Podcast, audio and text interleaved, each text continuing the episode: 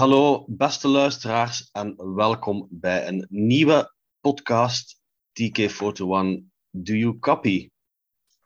Vandaag spreken wij met Tom Gilson, Tom Windmolders, Annelies Vervoort, Kevin Beentjes en ik ben ook van de partij. Mijn naam is Tim Veekhoven en wij zijn allemaal van TK41 VZ2, de Belgische Star Wars fanclub die dit jaar 25 jaar bestaat. Als je geïnteresseerd bent, kan je je abonneren op het TK41 magazine en dat kan je makkelijk bekijken en doen via onze website. Nu vandaag gaan wij het hebben over een verjaardag, namelijk een verjaardag van een van de Star Wars films. Episode 2, Attack of the Clones, wordt op 16 mei 20 jaar. We zijn er ietsjes vroeger bij dan, uh, ja, dan je misschien zou verwachten, maar het is dit jaar nu eenmaal een heel druk jaar met verschillende verjaardagen. En uh, vooraleer dat we beginnen, misschien toch nog even de nadruk leggen dat in, het, in ons magazine nummer 99 er een special is gewijd aan de verjaardag van Attack of the Clones. Dus de mensen die geïnteresseerd zijn weten waar ze er meer kunnen over lezen. Um, alvorens we bij de film belanden, misschien eerder uh, dat we nog eens teruggaan in de jaren die voorafgaand zijn aan episode 2. In 99 verschijnt The Phantom Menace. Wie, wie van ons heeft eigenlijk die periode, die overbruggingsperiode van die drie jaar, bewust online, of, of ja, desnoods ook niet online, via boeken bijvoorbeeld, gevolgd? Ik heb geen boeken gevolgd. Uh, ik heb geen boeken gekocht in die periode. Ik heb wel de trailer bekeken en als ik mij goed herinner, uh, volgde ik toen het nieuws al op de, uh, op de, ja, op de Star Wars.com website eigenlijk. Dat was het enige dat ik volgde toen. naar ja. de aanloop van, allee, tussen die, die periode tussen The Phantom Menace en Attack of the Clones. Ja, want we hebben natuurlijk, toen spreken we over drie jaar.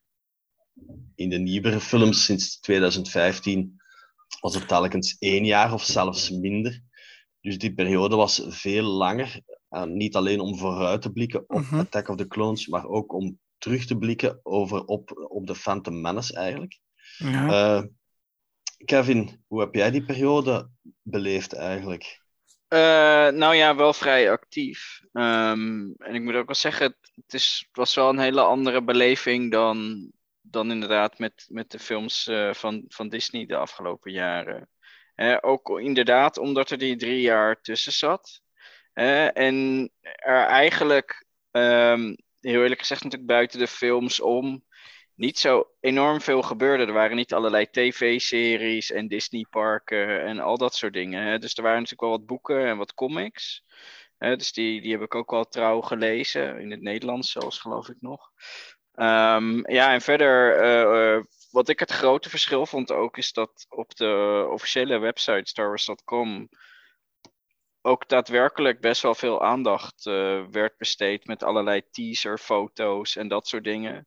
Hè, terwijl met de films die we natuurlijk recenter hebben gezien, uh, je af en toe zoiets had van, nou, uh, nog een paar maanden komt er eens een keer een trailer, of uh, we hebben nog helemaal nul niks gezien, behalve hè, natuurlijk allerlei mensen die gelekte foto's met drones boven een set hadden genomen of zo. dus, maar ja, dat is ook wel het verschil dat social media toen nog niet zo groot was. Dus ik denk dat veel mensen toch uiteindelijk voor hun nieuws naar StarWars.com gingen en, en niet naar, uh, zoals tegenwoordig Twitter of uh, Facebook of whatsoever. Ja, het is inderdaad zo dat die, die spoiler policy uh, toen heel anders was. Het is inderdaad zo, social media bestond nog niet, bestond nog nauwelijks. En je moest vooral mm. op zoek gaan op bepaalde forums van websites, van je wist van die zijn betrouwbaar. Ja, want een van die features die toen verscheen op de officiële site was die George Lucas Select. dat waren een ja. reeks foto's. Uh, dat kon zijn van een voorwerp, dat kon zijn van een achtergrondpersonage.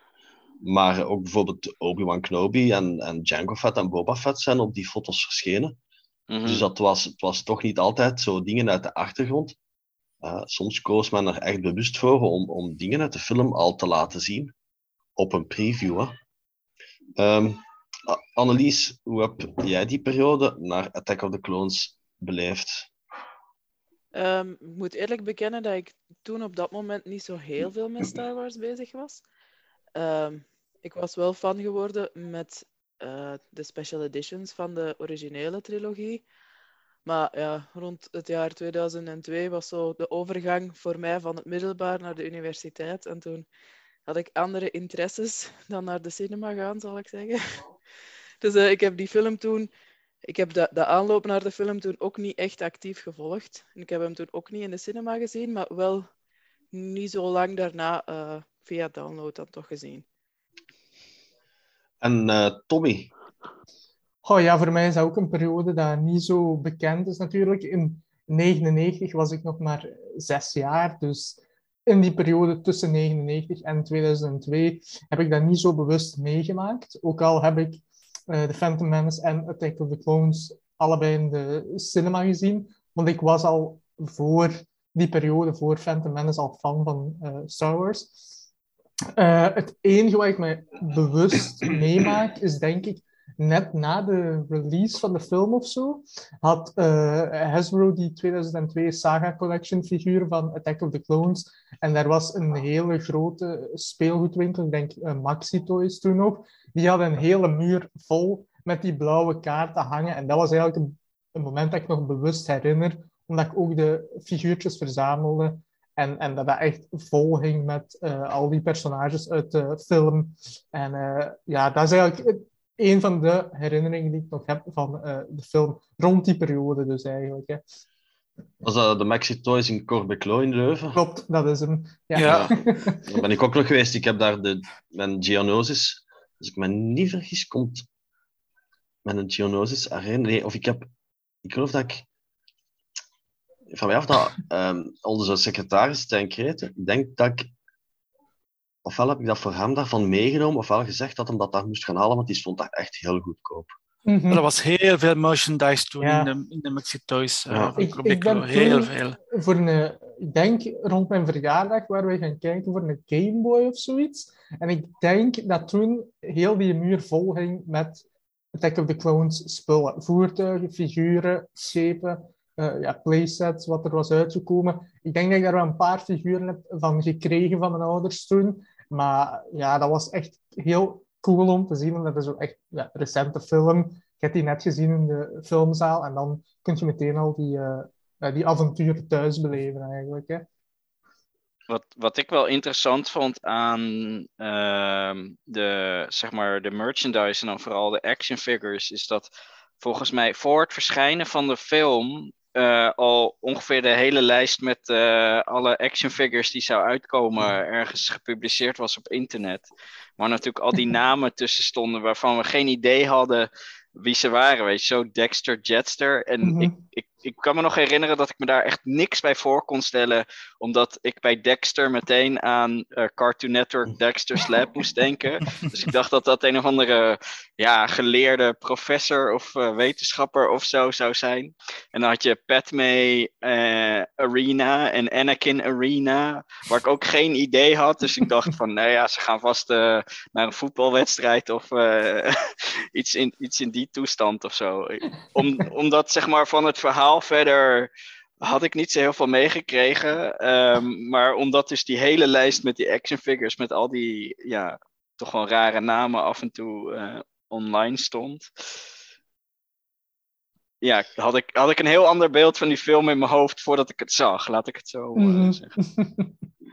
Nu, een van de features, ook een officiële feature die we absoluut niet mogen vergeten als het over episode 2 gaat, is het HoloNet News. Ja, Hè, dat was een officiële website met eigenlijk in-universe eh, ja, krantenartikels van de Galactic Republic. Ja, dat was, waren artikels over eh, politiek, over economie, over sport, over cultuur. Eh, en die verschenen eigenlijk een aantal, ik denk dat die website een aantal maanden voor de release van de film online is gegaan. En die telde week per week eigenlijk af naar de release. Dat ze Mhm. ook de gebeurtenissen naderden. Hè. In het begin van de film wordt er dan gestemd door die Military Creation Act. Dus dat waren er een aantal artikels die dan daarover gingen. Eh, dus er waren echt echo's terug te vinden eh, op dat Holland nieuws over wat er in episode 2 ging gebeuren. En dat heb ik altijd Ja. een van de leukste eh, features eigenlijk gevonden, of een, een van de leukste officiële features gevonden die er ooit online is gegaan. Ja, vooral ook omdat er heel veel verwijzingen in zaten naar allerlei andere dingen. Hè? Dus ook de dingen die in Attack of the Clones zouden komen. Je zei al de, de Military Creation Act, eh, maar ook dingen als de, de, eh, de Separatist Crisis, eh, de Border Dispute on Ancient. Weet je, die dingen kwamen er ook al een beetje. Nee, ja, goed, dat was natuurlijk ook een verhaal van. eh ehm, wat was het boek in het Engels? The Approaching Storm. Ja, ik denk het. Hè. Ja, de naderende storm. Ik heb hem in het Nederlands. Ehm, maar wat ook wel grappig was, is dat er veel verwijzingen in zaten naar allerlei andere Expanded Universe dingen. Hè? Dus zoals bijvoorbeeld een verhaal over een, een man die ergens eh, eh, rondom Endor eh, verloren was geraakt. En dat is dan hè, Noah uit, uit de Ewok-films. Ja. En ehm, ja, nog wat van dat andere. Ik kan me even. Ja, ook die hardloopwedstrijd waar dat er dan een, een tiek had gewonnen. ja, Eh, ja, ja, ja. Zo van die toestanden. Nu, het was ook, als ik me niet vergis, was het door Pablo Hidalgo geschreven. ja, Ja, hij wist uiteraard wel waar en hoe hij eh, dingen moest met elkaar verbinden. Hè. Ah Dus, ja, nog eh, zo'n recept van Gourmanda, die, Ja, ook. die chef uit Holiday Special. Dat je dat En met, Leuke art, ik denk ook van, van Joe Coroni. Ehm, die feature is later ook een tijdje doorgegaan op Star Wars. Maar helaas staat de website nu niet meer online. Ehm, dat is wel eigenlijk jammer, want die had perfect bewaard eh, kunnen blijven. Nu, het laatste ding dat ik ook nog eh, wil vermelden, in aanloop naar epi- episode 2 is, eh, met eh, TK41 hebben wij toen destijds op Filmnet verschenen. Filmnet was een van de eerste ja, betaalzenders op televisie, waar je dan ja, films en zo kon eh, bekijken. En omdat er een aantal eh, storyboards gelekt waren uit die film, hebben wij een aantal scènes kunnen naspelen eigenlijk met figuurtjes. En als je dat achteraf terug bekeek, leken die... Alleen was eigenlijk niet zo slecht. Want hij hadden dan de scène nagedaan van Anakin en Padme die terug Tatooine bezoeken. Ja, dat was uiteindelijk niet zo moeilijk. Maar dan Obi-Wan en eh Qui-Gon die Dexter Jetster bezoeken. En ik wist dat Dexter Jetster, dat, dat, dat hij op een reptiel leek. Dus ik had daar een Velociraptor van Jurassic Park voor gebruikt. Ehm, dat was ook het gevecht van Obi-Wan, eh, sorry, van, ja, van Obi-Wan tegen Jango Fett op Camino. En voor Obi-Wan had ik eh Qui-Gon gebruikt. En voor Jango Fett, ja. net Qui-Gon, dat was... ja, die leek daartoe, omdat ze toch hadden gezegd dat Obi-Wan langer haar ging hebben. Ah, ja, En dan hadden we ook nog het arena-gevecht. En voor het arena-gevecht had ik een Triceratops, ook van Jurassic Park, had ik gebruikt voor de Reek. Eh, dus uiteindelijk, die scènes, er zijn nog foto's van, eh, hadden wij dan niet zo heel slecht gedaan dat de film toen toch al een tijdje nog verwijderd was van ons. Hè. Ehm, en dan, ja, in april, mogen we ook niet vergeten, een gigantisch verschil met wat we nu zien. Dat in april al, je kon de leesboek kopen, je kon de comic kopen en de Visual Dictionary. Dat zijn boeken die nu absoluut, of publicaties die nu absoluut eh, later dan de film verschijnen. Ehm, ja, hoe, moet ik het zeggen? Hm, Vonden jullie dat een, een, een goed idee dat het voor de film verscheen, of hebben jullie toch liever erna? Ik kan er niet van meespreken, want ik heb ze nooit niet, nooit niet gevolgd, die periode. Dus ik kan er persoonlijk niet van meespreken. Nou, ik heb het wel liever eigenlijk erna. Eh, Meer vanwege het hele spoiler eh, gebeuren natuurlijk. Ehm, ik, ik zie liever die film zonder dat ik eerst in het boek al heb gelezen wat er allemaal in gebeurt. Nu was het wel zo dat die visual dictionaries ehm, bijvoorbeeld niet altijd alle plotelementen bevatten. Maar bijvoorbeeld het leesboek wel. Ehm, Ja, ja. Het was natuurlijk... Al ja, ik, ik heb, bij de prequels wist ik alles op voorhand, omdat ik natuurlijk alles had gelezen. Want één keer dat dat beschikbaar was, wist je ook dat het internet ging volstaan met die spoilers, dus dan kon je het maar beter lezen. Hmm. Eh, Ja, maar toen, weet je, wat, wat ik net zei, toen was het internet veel nou ja, kleiner, als ik het zo mag zeggen. Omdat je dus niet al, eh, je- kon ervoor kiezen om het boek niet te lezen. En als je dan naar starwars.com ging, wist je dat daar het boek ook niet op stond. Eh, dus je, je kon wel makkelijker dingen verwijderen. Als je nu natuurlijk je telefoon opent, krijg je 600 meldingen eh, dat iedereen dat boek al heeft. Eh, en dat ze allemaal die plaatjes al constant op, op alle social media aan het zetten zijn. Dat was Ja, niet zo erg. als, je, als je toen op bepaalde websites wegbleef, dan zag je het niet. Maar als je op die websites kwam, ja, dan had je het natuurlijk wel sowieso vroeg of laat zitten. Hè. Is er nog iemand die iets wil toevoegen of wat iemand zich herinnert van die periode voor Attack of the Clones? Ondertussen is ook Sander de Lange erbij gekomen. En Sander, is er nog iets wat jij erover wil zeggen? Nou, nog een eh, voordeel eigenlijk van een release van een visual dictionary na de film. Dan kan die ook wat completer zijn ook. Want ik moet heel eerlijk zeggen, ik kan me de visual dictionaries ten tijd van 1, 2 en 3 niet herinneren of daar echt alles in stond. Maar bij 7, 8 en 9 was een beetje het probleem van... eh, in, in 9 stond er niks van Exegol in. Ehm, de, de dood van Han Solo geloof ik dat er ook niet in stond in 7. Dan denk ik van ja, wacht dan nog maar liever een maandje en gooi dan ook die pagina's er n- nog maar erbij in dan. Want dan is het tenminste compleet. Ja, maar dat had je dus ook bij de prequels. Daar stond ook niet in dat uh, Dooku onthoofd... Of nou ja, ja uh, dat, dat, dat er allerlei... Uh, hè, dat, bijvoorbeeld het gevecht met Yoda en zo, dat stond er niet in, in, in, in uitgeplozen. Ja. En wat van die andere dingen die pas later in de film gebeuren. Het ging natuurlijk heel erg om gewoon de personages en, en de wapens en de voertuigen. En niet zozeer. Visual Dictionaries hebben nooit zozeer op, om het, over het plot gegaan. Nee, um, wel, maar ja. het is inderdaad wel waar. Uh, dat bijvoorbeeld van episode 9 stond heel Palpatine er niet in.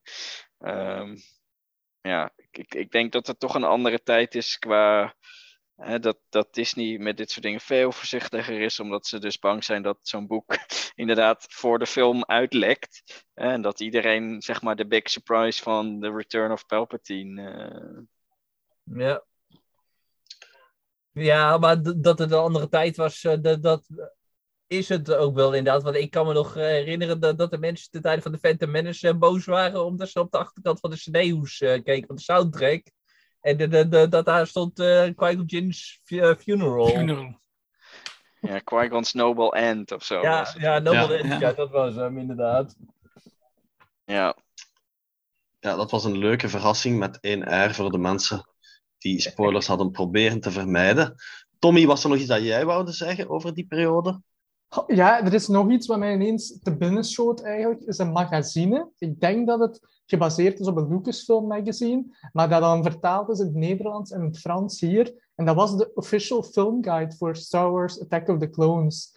En ik denk dat mijn oom dat had gekocht in een krantenwinkel of zo, want het is Nederlandstalig. En je hebt daar zo op uh, met meer dan 400 foto's staat op de cover. Dus daar kon je allemaal foto's bekijken. Maar ik heb het even opgezocht en ik zal het eventjes voor jullie laten zien. Dat is met Anakin op de voorkant. Ik weet niet of jullie dat ja. magazine herinneren. Ja, ja die heb ik hier ook ergens liggen. Ja, ik heb is... ook nog ergens liggen, maar daar heb ik heel veel in gebladerd als kind toen, denk ik. Omdat daar alles nog eens in detail mooi op stond in die foto's. Uh... Het is zo'n beetje vergelijkbaar met die recente magazines die je sinds 2015, allee, toch voor een aantal van de nieuwe films ook in de bioscoop kon vinden. Hè? Een soort van light versie van uh, Visual Dictionary, gemixt met een aantal making-of mm -hmm. elementen. Hè? Maar ik denk dat dat niet verschenen is voor de film, want hier stond iets van mij op. Dus dat zal ja. net voor of net na de film waarschijnlijk zijn uitgekomen. Inderdaad. Uh, dan gaan we doorgaan naar uh, 16 mei, hier wel bepaald 17 mei. Avant-première waarschijnlijk ook 16 mei. Dus we waren geen tweede of derde of zelfs vierde rangs burgers meer op aarde. We werden nu gelijkgesteld met de Verenigde Staten, geen half jaar later, zoals bij de Phantom Menace. Ehm, en we gaan dan eens naar onze eigen ervaringen polsen. Um, Annelies, wanneer herinner je nog? Ah ja, je hebt het daarnet al verteld, hè, dat je de film dan iets na die release hebt gezien. Um, wat vond je van de film en wat zijn eigenlijk uw eh, favoriete personages uit de film? Mogen zowel hoofdpersonages zijn of ook achtergrondpersonages? Um, ik vond het eigenlijk wel een leuke film om naar te kijken. Veel spannender en actiever dan The Phantom Menace. Uh, die dat ik destijds nogal traag vond. Um, ja, het is een film die ik eigenlijk altijd graag heb blijven zien van de, van de prequels. Er zijn een aantal elementen die ik wat minder vind. Uh, maar daar zullen we straks waarschijnlijk nog op terugkomen. Uh, mijn favoriete personages zijn eigenlijk zo de kleinere personages, zoals Dexter Jetster. Uh, vond ik wel een heel leuk personage. Die ook wordt ook heel leuk in beeld gebracht. En wat ik ook super vond, is dat je in Attack of the Clones eigenlijk echt een beeld krijgt van Coruscant en hoe het leven er daar aan toe gaat. Omdat we tot dan toe vooral kleinere steden zagen en, en, meer afgelegen gebieden, zie je nu eigenlijk een, een heel grote stad in Star Wars. En dat vond ik ook wel heel interessant om te zien. Inderdaad. Uh, Tom, hoe zit het? Ik heb die film in de cinema gezien. Ik was denk ik toen 21, uh, nee, 19 jaar. Uh, nu op dat moment, ja, ik was wel fan van Star Wars, maar zo diepgaand heb ik die film toen niet zo bekeken. Nu kijk ik er wel anders over dan toen. Want toen was ik niet zo fan van uh, de prequels op dat moment. Maar ik, heb, ik vind momenteel geen favoriete personage in, in de film. Waarschijnlijk omdat ik die toen ja, zag als een gewone nieuwe Star Wars film en niet zo diepgaand uh, bekeek zoals nu. Tommy, uh, ja, zoals ik al zei, ik heb die dus ook in de filmzaal gezien, maar ik was dan maar negen jaar, dus dat was eigenlijk heel jong. Uh, wat ik me dan vooral herinner aan de eerste keer die film uh, te zien, was de hele grote battle scene op Geonosis aan het einde, wat zeker in mijn geheugen gegrift staat om dat op, op het grote scherm te zien.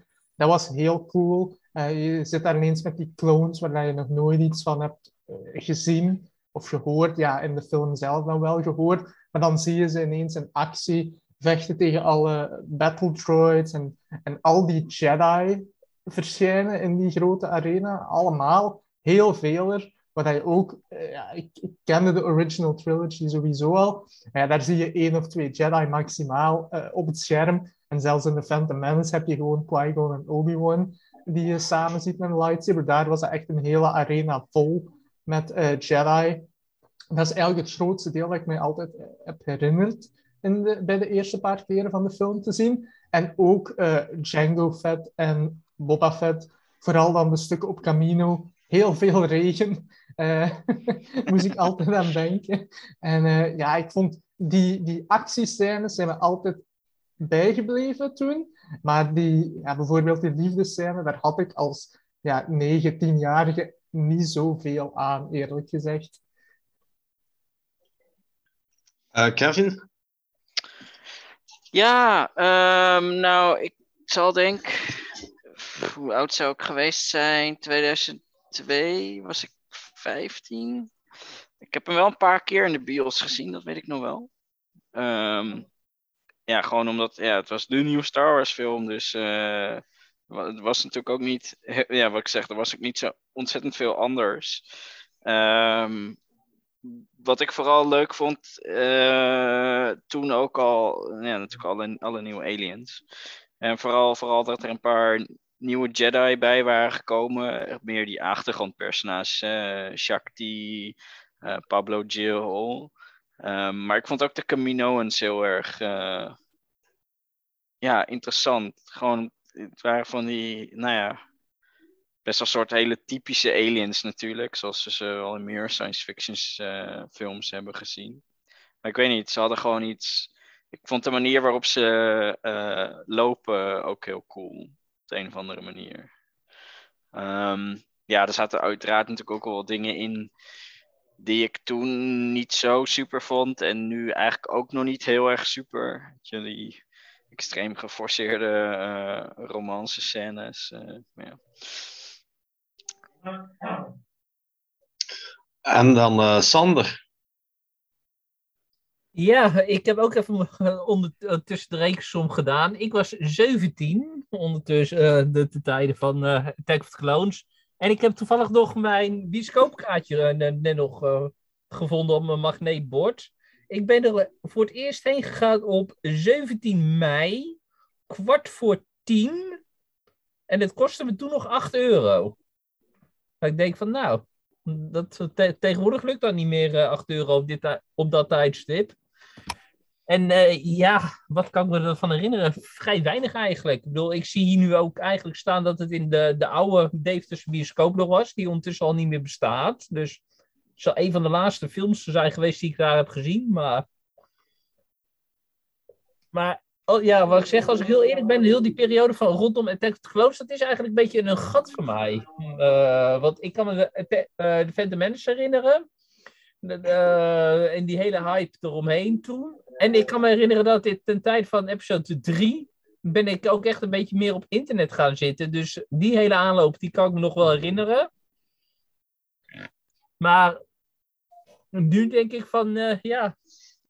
Kijk, Attack of the Clones, ik zou hem destijds ook, denk ik, minder hebben gevonden dan dat ik hem nu vind. Want ik, ik ben hem nu wel echt veel meer gaan waarderen.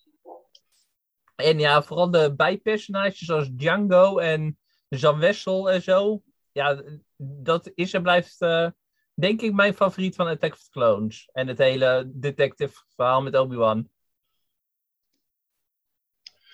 Ja, voor mezelf. Ik was toen natuurlijk ook al bezig met de fanclub. Uh, dus ik heb die film... Uh, ik herinner me nog redelijk goed, die avant-première in Brussel. Uh, in de Kinepolis. Waar ben ik ook een film een aantal keer gaan zien. En wat ik mij daar vooral van... Allee, wat ik vooral heel leuk vond, waren die echo's uit de classic trilogie. Die stilaan begonnen terug te komen in de film. Dat was in Phantom Menace natuurlijk nog veel minder, omdat het is tien jaar later dan de Phantom Menace. En die elementen van de classics die terug begonnen te komen in de Attack of the Clones vond ik heel leuk. Um, Obi-Wan heb ik altijd een uh, tof personage gevonden in episode 2, omdat hij ook zelf zijn plan zo'n beetje trekt, als in episode 4. Uh, eh, Dooku vond ik altijd heel tof. Uiteraard, ja, Christopher Lee is altijd goed. Uh, en er zijn ook een aantal achtergrondpersonages, zoals Annelies al zei, Dexter Jetster. En bijvoorbeeld, ja, natuurlijk, dat is dan later gekomen. Uh, Maxiron Agolerga, dat is een personage dat Anakin en Padme trouwt, maar dat heb ik zelf, die heb ik zelf een naam kunnen geven op die What's the Story feature op uh, starwars.com. Um, nu, het is uiteraard ook het begin van de Clone Wars, episode 2. Um, was er iemand van ons die eigenlijk voor die film al een idee had van de Clone wat er zou gebeuren? En, uh, of, of was dat iets waar dat we eigenlijk niet hebben over nagedacht? Daar heb ik nooit zo enorm bij stilgestaan, moet ik eerlijk zeggen. Um, we wisten natuurlijk wel dat, nou ja, sowieso op een gegeven moment dat het aan zat te komen, al, al, al ja, al was het maar vanwege het feit dat het in de titel van de film zit. Attack of the Clones. Ehm, maar ik had daar inderdaad niet een enorm goed beeld bij. Um, over hoe dat precies zou gaan lopen. Um, ik, weet eigenlijk niet meer zo goed. Wil ik ook niet meer. Ik ook niet, want ik, had er ook geen idee van. Allee, ja, dat is een periode waar ik echt totaal niet zo bezig was met Star Wars zoals nu. Dus uh, dat is echt zo'n periode dat ik bitter weinig van, van weet. Nou, ik, en ik zal nog sterker vertellen nog. Ik was toen ook inderdaad nog maar net een twee, drie jaar Star Wars fan. Ik had 4, 5 en 6 wel gezien. Maar dat Obi-Wan het in episode 4 over de Clone Wars had. Dat, dat was mij eigenlijk nog helemaal ontgaan eigenlijk nog. En dat, al helemaal... Uh, Laat staan dan een link leggen dan inderdaad met... Oh, dat gaat nog verteld worden nog. Geen idee wat. Ja, er werd wel redelijk geheimzinnig over gedaan over die Clone Wars. Want toen het Expanded Universe begin jaren 90 begon, was dit een van de aspecten waarover dat er eigenlijk nooit mocht worden geschreven worden. Ja, er moest goed van worden weggebleven. Alles in verband met kloning, daar, was wel, allee, daar is wel kloning aan te pas gekomen in de Zaan-trilogie. Uh, maar toch moest men daar voorzichtig mee omgaan. En er was wel sprake van uh, de clone was in een concept van Lando Calrissian voor The Empire Strikes Back, dat hij een van die overlevende clones was. Maar verder dan dat reikte het niet. Dus ik denk dat het allemaal een beetje een verrassing was, ook al was het misschien dat er een aantal mensen waren die verwachten dat de clones eigenlijk de bad guys zouden zijn. En dat, dat er misschien clones tegen clones zouden vechten. Maar in elk geval, het was denk ik toch vooral een, een, een verrassing om te zien uh, wat de Clone Wars eigenlijk waren en hoe ze zouden evolueren. Maar even terugkomend op dat beeldmateriaal wat we elke keer soort van zagen van tevoren. Zaten daar geen clones bij?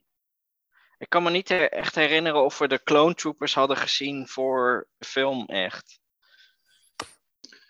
Een van de previewfiguurtjes was een clone-figuur. Oh ja.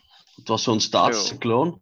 Want ik herinner me nog altijd goed, ja, Ja. Die, die, die helm zo van achter, dat deed mij zo echt denken aan zo'n dingen als de Rocketeer. Of Ja. dat was echt zo van die science fiction uit de jaren 50. Eh, Ja. Dus dat vond ik wel leuk. Nou ja, ik kan me ook best wel voorstellen dat mensen dachten dat het de bad guys zijn. Aangezien als je die clone troopers ziet, meteen aan stormtroopers moet denken. Ja, uiteraard. Maar ja, ik heb daar geen, eh, geen actieve herinneringen aan. eh. We gaan dan eh naar het volgende aspect van de film die we, dat we eens moeten bekijken. En dat zijn... de film is toch, bestaat toch uit, uit, uit verschillende thema's. Eén aspect dat we zeker niet uit het oog mogen verliezen, dat is het digitale aspect van die film. En ook het belang daarvan. Eh Annelies, wat kan je ons daarover vertellen? Eh, ja, George Lucas heeft eigenlijk door zijn ganse carrière heel veel ehm, ja, vernieuwingen doorgebracht in, in, eh, of doorgeduwd in de filmindustrie. En bij Attack of the Clones was dat niet anders. Het is eigenlijk de eerste film die volledig is opgenomen met digitale camera's. Voordien werd er eigenlijk voornamelijk nog altijd gewerkt met filmrollen, dus met echt pellicule. Ehm, George Lucas wilde die film opnemen via digitale camera's. Hij wou dat eigenlijk ook al doen met de Phantom Menace, maar dat is toen niet helemaal gelukt, omdat die camera's niet klaar waren. Eh, bij Attack of the Clones was dat dus wel het geval. En het is eigenlijk ook een van de eerste films die voor een heel groot deel voor greenscreen opgenomen is en waarbij dat er heel veel toegevoegd is geweest achteraf eh, met CGI in post-production. Dus de manier waarop nu eigenlijk grote films gemaakt worden, zoals Marvel-films en zo, dus waarbij er heel veel eh, ja, digitaal gemaakt wordt, dat bij de acteurs niet echt te zien is als er opgenomen wordt. Dat is eigenlijk, die standaard is eigenlijk met Attack of the Clones echt in gang gezet voor grote films. Nu, Attack of the Clones is een van de films die ook voor het eerst dan werd digitaal geprojecteerd in de filmzalen zelf.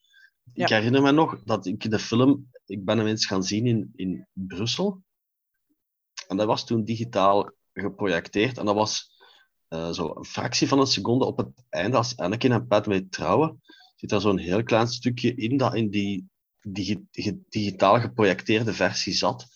En in de gewone versie dan niet zat.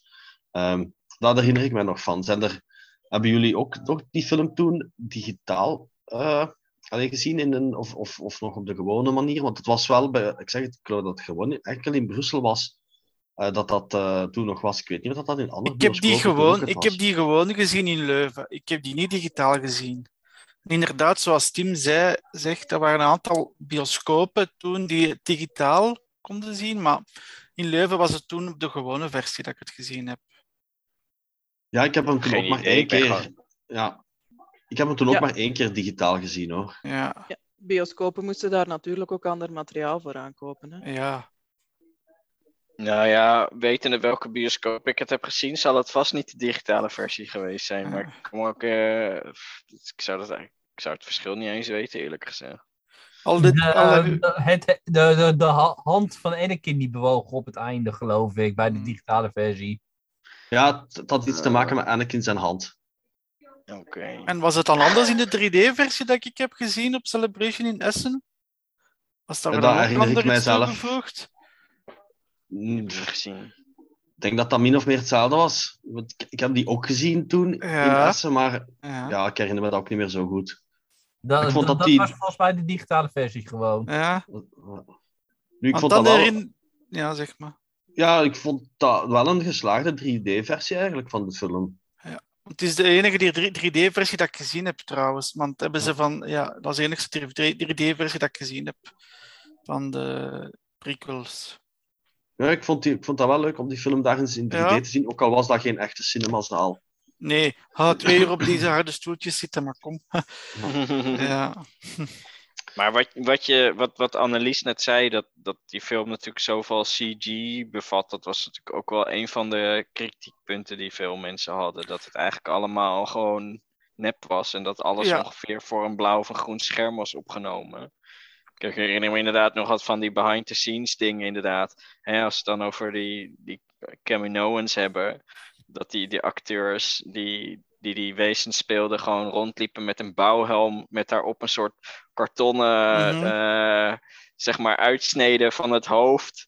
Hè, zodat de andere acteurs wisten hoe waar ze moesten kijken om in het gezicht van, van die aliens te kijken, in plaats van dat ze naar het gezicht van de acteur keken. Om het Maar, dat soort ja. fratsen.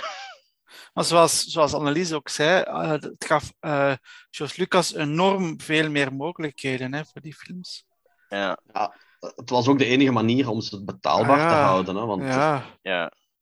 Er kwam zoveel in, er kwam zoveel in, dus ja, die scènes, alleen die grote gevechtsscène die op Geonosis, ja.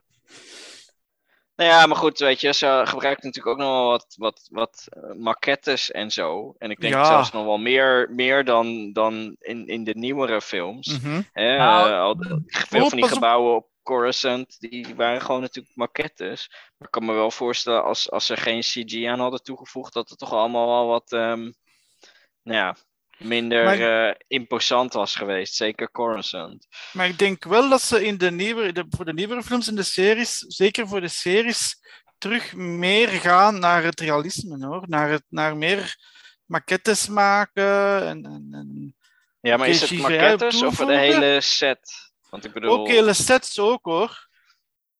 Zie maar naar Ze hebben nu natuurlijk bijvoorbeeld. stagecraft, hè. Ja, ook hè. Ja. Ik denk dat vooral ook nu een financieel aspect is. Ja, Ja, dat is natuurlijk meer- vreed ja. handig dat men het Natuurlijk. dat dat er is, maar voor die series is het natuurlijk ook het financiële aspect dat weer komt kijken. En zelfs Inderdaad.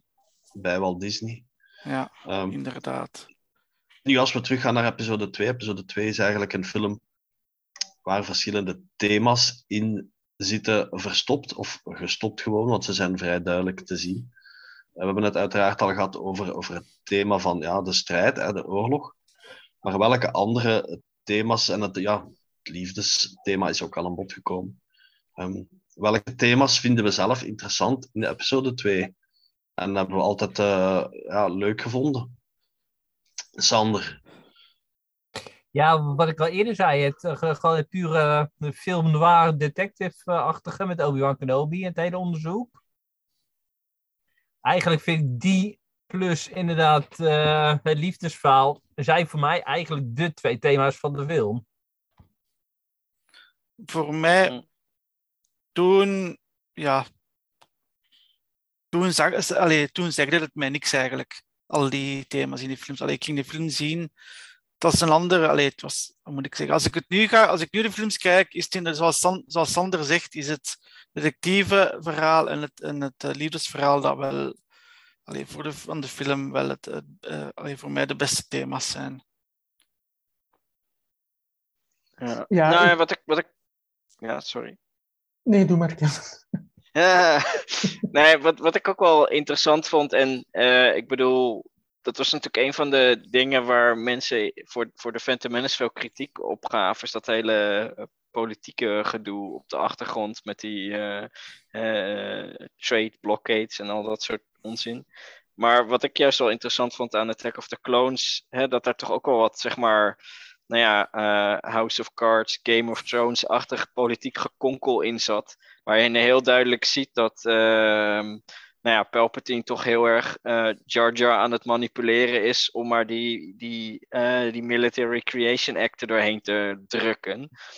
Um, dus dat, dat vond ik wel interessant. En eh, omdat we nu ook weer wat meer zien van, van nou ja, de inner workings of Coruscant. En voor mij werd in deze film ook wel echt heel duidelijk dat Palpatine en, en Sidious eigenlijk dezelfde personage was. Ik moet heel eerlijk zeggen dat bij de Phantom Menace ik bedoel, het lag natuurlijk een beetje bovenop dat hè, Palpatine en, en, en dan is er een, een guy die heel erg op de Emperor lijkt, uh, die dan Sidious is, uh, die natuurlijk ook gespeeld wordt door dezelfde acteur. Um, maar ik had, ik had dat nog het gedachte dat er misschien hè, nog iets anders zou gaan gebeuren, um, waardoor zeg maar Palpatine de bad guy zou worden. Uh, maar dat was misschien ook een beetje uh, nou ja, op basis van, van de Expanded Universe leesboeken waar uh, allerlei dingen met clones en, en transfer of minds en, en dat soort dingen gebeuren. Um, maar ja, zeg maar dat, dat politiek spelletje wat, wat, wat Palpatine aan het spelen was, mm -hmm. dat vond ik wel een interessant element van die film. Ja, politieke... Ah. Uh, ja, ik wou nog even beamen wat Kevin zegt. In episode 1 is dat politiek gedoe heel duidelijk. In episode 2 is het misschien minder voor de hand liggend, maar het is wel degelijk uh, aanwezig, zeker voor wie dat goed oplet en wie dat tussen de letters leest. Het kwam ook bijvoorbeeld aan, al aan bod in dat Holonet nieuws, uh, die Military Creation Act, dat Loyalty uh, Committee van Palpatine met die senators en zo van die aspecten. Uh, dat kwam wel degelijk aan bod in de film. Uh, wie wil er nog iets zeggen, eventueel over het, het mysterie, of zijn er andere thema's die we nog even moeten aanraken? Tommy? Uh, ja, het mysterie, gegeven dat al een paar keer was voorgekomen, dat is mij toen eigenlijk niet opgevallen. Het is een beetje, like Sander zegt, nu zie je dat wel erin terug. Of, ja, toen als kind, dat zie je niet. Uh, wat mij toen wel opviel, al heeft dat te maken met dat mysteriethema, is Sam Wessel. Omdat zo begint het natuurlijk met die aanslag een beetje. Ook op uh, in, uh, in die kamer daar met die, uh, met die wormen. En die changeling, dat vond ik een heel cool aspect, dat zij zo'n changeling is. Zo de eerste keer denk dat we dat zagen. Iemand die zo van gezicht ver, vervormt in, in een wezen dat we nog niet kennen of zo vond ik heel leuk om te zien. Maar een van de aspecten die ik uh, zeker nog kan herinneren en die ik toen al interessant of leuk vond, is eigenlijk die, um, die ondergang van Anakin naar de dark side, waar je de, de eerste tekenen van ziet in de, in de film eigenlijk. Met de Tusken Raiders bijvoorbeeld. Zijn liefde voor zijn moeder die zo groot is, dat je eigenlijk iedereen daar ja, afslacht als beesten. Waar je die haat in hem ziet uh, opborrelen. En dat je, dat je weet van, je hij gaat naar een punt komen dat je Darth Vader ooit gaat zien. We zijn er nog niet, maar dat zijn de beginselen van, dat, van die dark side in hem vond ik toen al heel leuk om te zien. En het uh, vader-zoon aspect tussen Django en Boba. Ook al zijn zij klonen van elkaar, hebben zij toch een vader-zoon verhouding in de film. En ik vond dat dat ook toen al ja, goed naar boven kwam eigenlijk uh, in die personages. Ja, het aspect van, van Boba Fett hebben we al in de vorige podcast even aangehaald. Maar dat was inderdaad toen, toen toch wel uh, vrij baanbrekend. Dat, uh, dat Boba Fett eigenlijk teruggekoppeld werd aan de clone troopers, zoals hij eigenlijk oorspronkelijk was uh, geconcipieerd als een soort van Imperial Super Trooper. En net zoals bijvoorbeeld ook de, de terugkeer van Owen en Beru. Dat waren ook zo elementen uit de classics die terug werden gebracht. En dat van Boba Fett was toch wel, denk ik, een, een, een leuk aspect. Ook waardoor dat personage eigenlijk volledig, volledig is veranderd. Omdat hij dan vroeger altijd bekend stond als dat mysterieus personage zonder connecties. Maar nu ineens had hij enorm veel connecties. Hij had miljoenen broers ineens gekregen. Ja. Uh, dus dat was, dat was inderdaad wel, wel een interessant aspect. Nu, nu, twee dingen in de film dat ik altijd een beetje jammer heb gevonden, die niet volledig tot hun recht zijn gekomen. Want zoals eh, Tommy, zoals jij daarnet zei, die overgang van Anakin, dat was iets dat wel goed, goed werd gedaan, omdat dat toch Mhm. Eigenlijk een heel moeilijk eh, ja, facet was van die prequels, dat Lucas dat daar langzaam moest inbrengen, omdat we weten dat Anakin eigenlijk iemand is met een hele, hele goede inborst. Moest dat toch die transformatie langzaam tonen. Mhm. Maar twee dingen die iets minder duidelijk aan bod kwamen in de film, was ten eerste de stem van Qui-Gon die tegen Anakin, eh, als Anakin Tusken Raiders wil afslachten, dat Qui-Gon roept van echt no, dan veel intenser uiteraard. Ehm, dat is iets wat, ja, voilà, Sandra, dank u voor de interventie. Eh, dat is iets dat minder duidelijk aan bod komt, terwijl dat toch een, een belangrijk aspect is, omdat dat later zal leiden naar, naar de Jedi Spirits eigenlijk. Eh, Ik, dat ik denk dat dat- ik in eerste instantie niet eens door had dat het Qui-Gon Jinn was. Nee, Maar- want het stond in het leesboek. Ja, ja, ja. Als ik het me niet vergis, je kon dat eigenlijk niet weten. Ja, Nou, en, en het eh, is ook een heel erg vervormd stukje tekst dat hij in de Phantom Menace eh, had gezegd, geloof ik. Dat hebben ze een beetje rare digitaal uitlopen zitten rekken, waardoor je eigenlijk niet meer kan horen dat het die Neeson is. Ja, maar het waren ook maar een paar woorden, dus er was niet de hele... Nee, het was het, niet een het heel was, epistel wat hij aan het oplezen was of zo. nee, klopt. Het was waarschijnlijk de ene keer van Anakin, drop! En dan, ja, waar dan de no precies vandaan komt, dat... Ja. ja dus dat vond ik, ik heb dat altijd jammer gevonden, omdat dat, als ik vaak de films zie bij, bij, ja, bij iemand die de films nog niet heeft gezien, zei ik effectief van, ja kijk, dat is Qui-Gon, want hè, ik vind dat toch belangrijk eh, om, dat, om dat te weten eigenlijk. En een ander Ja. aspect is, ja Sander, zeg Nou, maar. eh, om daar nog in te haken, daarom is het ook jammer dat die scène in episode 3 van Jinn eh, weggesneden is. Want dat was eigenlijk de uitleg dat op die no sloeg weer inderdaad. Ja, dat klopt. Maar ja, ondertussen is die van vervangen door die story arc in de Clone Wars. Eh, Ja. dus Ja, ik denk dat we daar vrede kunnen mee nemen. Nu, een, een ander aspect, en dat is ook weer in de Clone Wars aan bod gekomen, is het hele gedoe rond Cypher Diaz.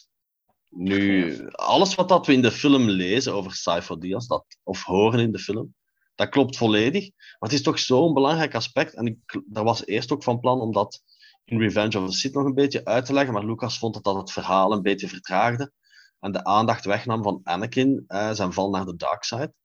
Is er iemand van ons die zich daar, ja, vragen of die daar, zich daaraan stoorde, dat dat eigenlijk nooit volledig is uitgelegd geweest in de prequels? Nu natuurlijk, eh, we hebben dat nu ook het, hele verhaal gehad in, in Clone Wars. Ehm, Ja, toen ik die film zag, vond ik dat wel heel verwarrend. Want ik vroeg me toen af, ja, die Cypher Diaz, is dat nu echt? Of is dat een vals personage? En is, heeft, heeft die nu echt bestaan of niet? Dus eh, ja, eh, nu weten we dat de geschiedenis daar wel van, maar ik vond dat toen heel verwarrend in de film. Ik Ja. dacht eerst dat dat een schuilnaam was. Ja, maar ja, ik dacht ook zoiets. Ja. Ja, ja dat, dat, dat gewoon. Dat, dat, ik, ik, ik heb denk ik geloof nog het idee gehad dat dat gewoon Dooku in disguise ik was ook. of zo. Ja. Ja, ja. Had ook nog gekund, ja. Ja, want in de, in de, in de, in de spoilers was er bijvoorbeeld ook sprake van Saido Diaz. Of dat ook een van zijn draftnamen was, maar Sa- Saido Diaz zit, dat leunt dan weer aan bij Sidious. Dus in het begin was daar inderdaad heel veel twijfel over, van ja, wie is dat?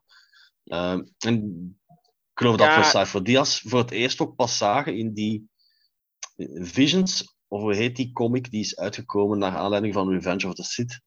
Is dat niet Eh, Visionaries of zo? Ja, Visionaries, inderdaad, waar dat die, de concept artists hebben getekend. Ik geloof dat we daar Cypher Diaz voor het eerst zien. En dat daar het verhaal voor het eerst min of meer werd, werd, werd uitgesponnen eigenlijk.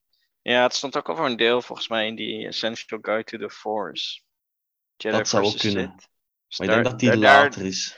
Ja, dat is wel later, maar daar stond inderdaad. Daar, en daar stond ook een van de, een van de artworks die erin stond, was ook gewoon een pagina waar hè, eh, Dooku en, en Sifo Dyas nog samen als Jedi aan het trainen waren of zoiets. Dat, Ja. dat herinner ik me nog.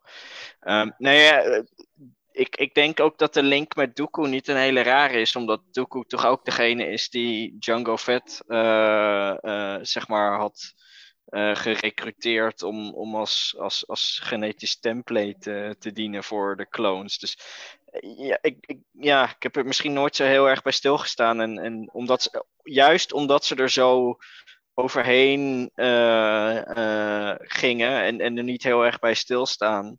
Ehm, ja, dat dat, dat dat gewoon uh, Dooku met een, met een, een bril en een plaksnor is geweest of zo. Nu, nu die link tussen Cypher Diaz en Dooku hebben ze opnieuw bewaard, ook in de canon, omdat dat eigenlijk uh, goede vrienden waren in de Jedi-orde. Dus dat is toch iets dat nog steeds eigenlijk ja, is bewaard gebleven. Hè? Ik denk dat we over kunnen stappen naar een, een, volgende thema, en dat is de muziek van de film. Uh, ik heb de muziek van Attack of the Clones altijd een beetje een, een mengelmoes gevonden, in die zin van dat er bij bijvoorbeeld die Across the Stars, dat vind ik een van de mooiste thema's die John Williams ooit heeft geschreven voor Star Wars. Het doet me zo'n beetje denken aan het thema van The Godfather. Het is heel mooi, maar er zit zoiets een klein beetje iets onheilspellends. Ja, en iets onheilspellends in. En, en er zitten ook andere mooie thema's, vind ik. Bijvoorbeeld dat, dat thema op Camino. Dat je ook helemaal hoort in het begin, een soort van mysterie.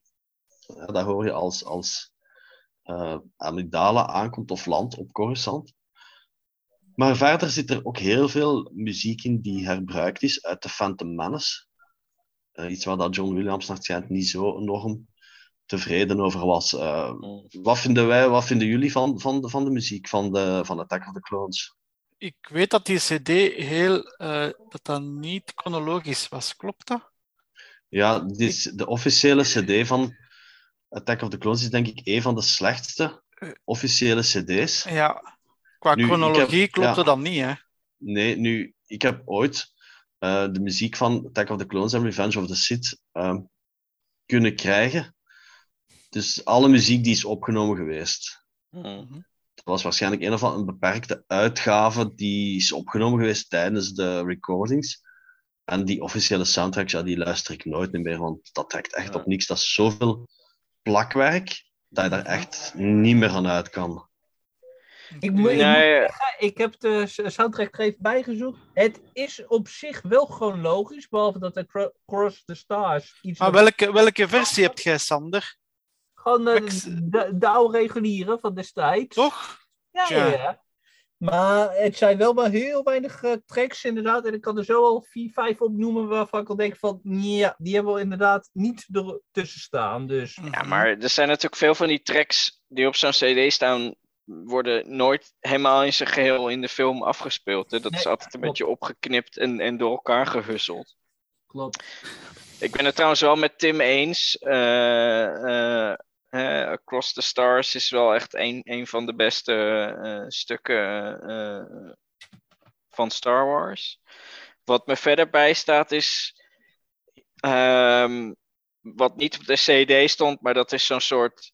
Mm-hmm. zo'n deuntje met, met zo'n met zo'n chorus, wat dan gespeeld wordt als Obi-Wan met zijn Camino-vraagstuk bij de Jedi Younglings terechtkomt. Dat is een beetje zo'n nou ja, um, alsof, je, alsof je de hemel inkomt, uh, uh, engelenkoor. Um, het andere wat me bijstaat van de soundtrack, en uh, dat is grappig, het, zeg maar, het deuntje wat gespeeld wordt tijdens de achtervolging met Sam Wessel. Um, toen ik later de Harry Potter films zag, daar zat echt een, een deuntje in wat bijna exact een kopie daarvan was. En toen ja. dacht ik, oh ja, de, de filmmuziek is vast door dezelfde persoon gemaakt. En dat was inderdaad ook ja. zo. Nee, dat, dat, dat stukje wat jij bedoelt, dat hoor je tijdens uh, de, de Quidditch. Uh, de, ja, de, tijdens die, die zwerkbalwedstrijd ja. inderdaad. En toen dacht ik, en, en dat was het moment waarop ik realiseerde dat, oh, hang on, heeft John Williams ook de muziek voor Harry Potter gemaakt? En, en inderdaad, het was. Ja.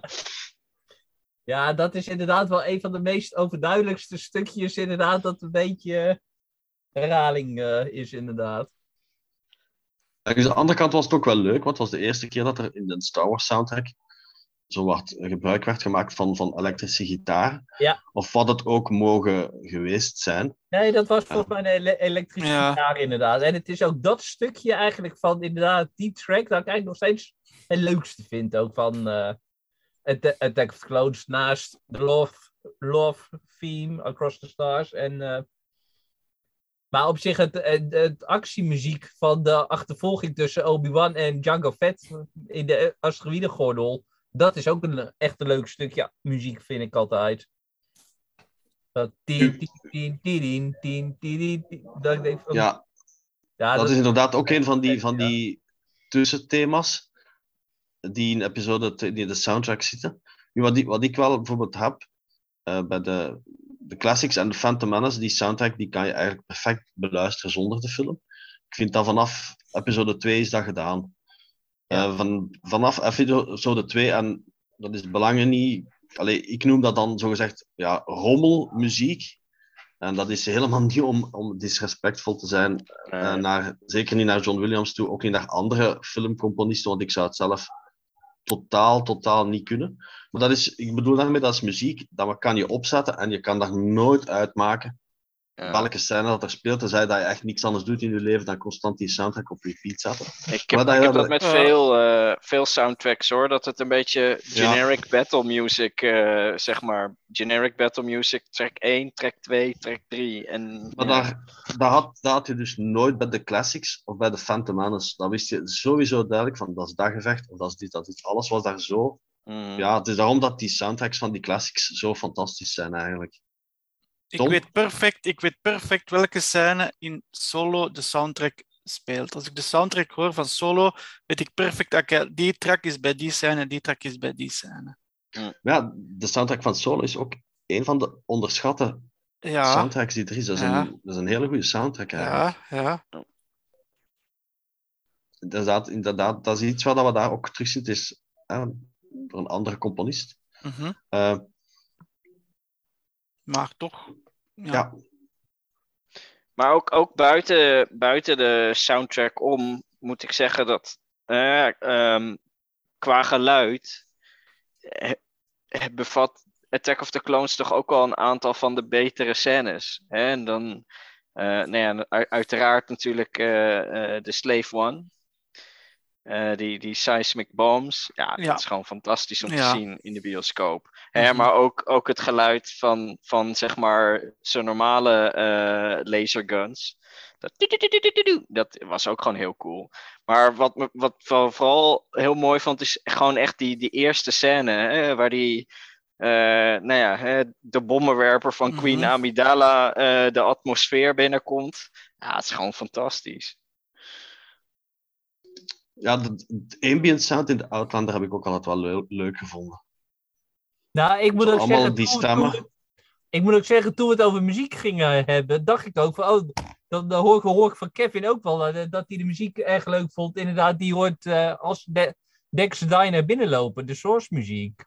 Ja, maar die, die tracks, die, die heb ik wel, maar dat was niet de makkelijkste om te vinden, zeg. Nee, en ik, dat vond het wel jammer dat er dus in de Outlander, en dat realiseerde ik me pas later. En, en nou ja, eigenlijk toen ik, toen ik vrij recente films nog een keer herkeek, hè, dan heb je de Outlander, wat toch een soort hè, cantina-achtige scène is. Er zit geen muziek in. Nee, het is allemaal achtergrondgeluid. Het is, een, het is een nachtclub zonder muziek. Licenties zullen te veel hebben gekocht. Of, of Sabam was misschien ook toen op Coruscant actief. Wie weet. Ja, Nu, Nou, eh, de, de, de nacht was nog jong nog, dus misschien ja. eh, moesten nog eh, het feest nog losbarsten nog. Misschien, misschien. Nu, we zijn stilaan aan het einde gekomen van deze eh, verjaardagseditie. Ehm, de film is ondertussen 20 jaar oud. Eh, hoe is de film voor ons persoonlijk geëvolueerd? Als ik voor mezelf spreek, toen ik de film voor het eerst zag, vond ik hem beter dan The Phantom Menace. Nu, beter en slechter in Star Wars voor Star Wars films, ik vind dat eigenlijk altijd een hele moeilijke affaire. Maar ik moet nu zeggen dat toch Attack of the Clones, ja, ik vind een film die ehm, wel soms een beetje lang duurt. Ik kan ook niet precies zeggen waarom, want het verhaal is duidelijk. Eh, maar toch op een of andere manier, het middenstuk duurt toch een beetje lang Ja. soms. Ehm, zijn er andere mensen die bijvoorbeeld de film waar de, waar, die, die de film nu beter vinden dan vroeger? Of, of... Ik apprecieer de film meer dan vroeger, omwille van de verschillende thema's, dat ik dat nu meer, beter begrijp en meer interesse heb in, in eh, de thema's. En ik waardeer de film wel enorm meer dan vroeger. Dat is waar.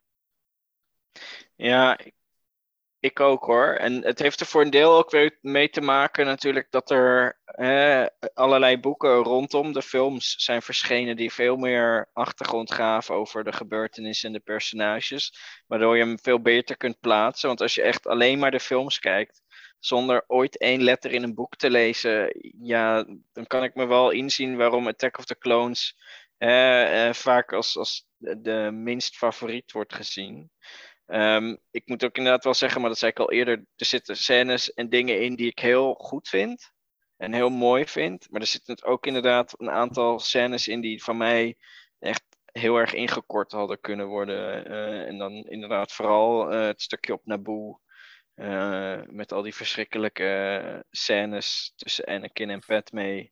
Ehm, met als hoogtepunt dat hij die space spear zo met de force in haar vork stopt of zo. Dat, dat vond ik echt een tenenkrommende scène. Ja, want eh, misschien iets dat, dat veel mensen niet beseffen. Maar Attack of the Clones was eh, voor The Last Jedi eigenlijk de langste Star Wars film. Nu is The Rise of Skywalker is de langste, gevolgd door The Last Jedi. En dan komt nog altijd Attack of the Clones. Ehm, met 142 minuten.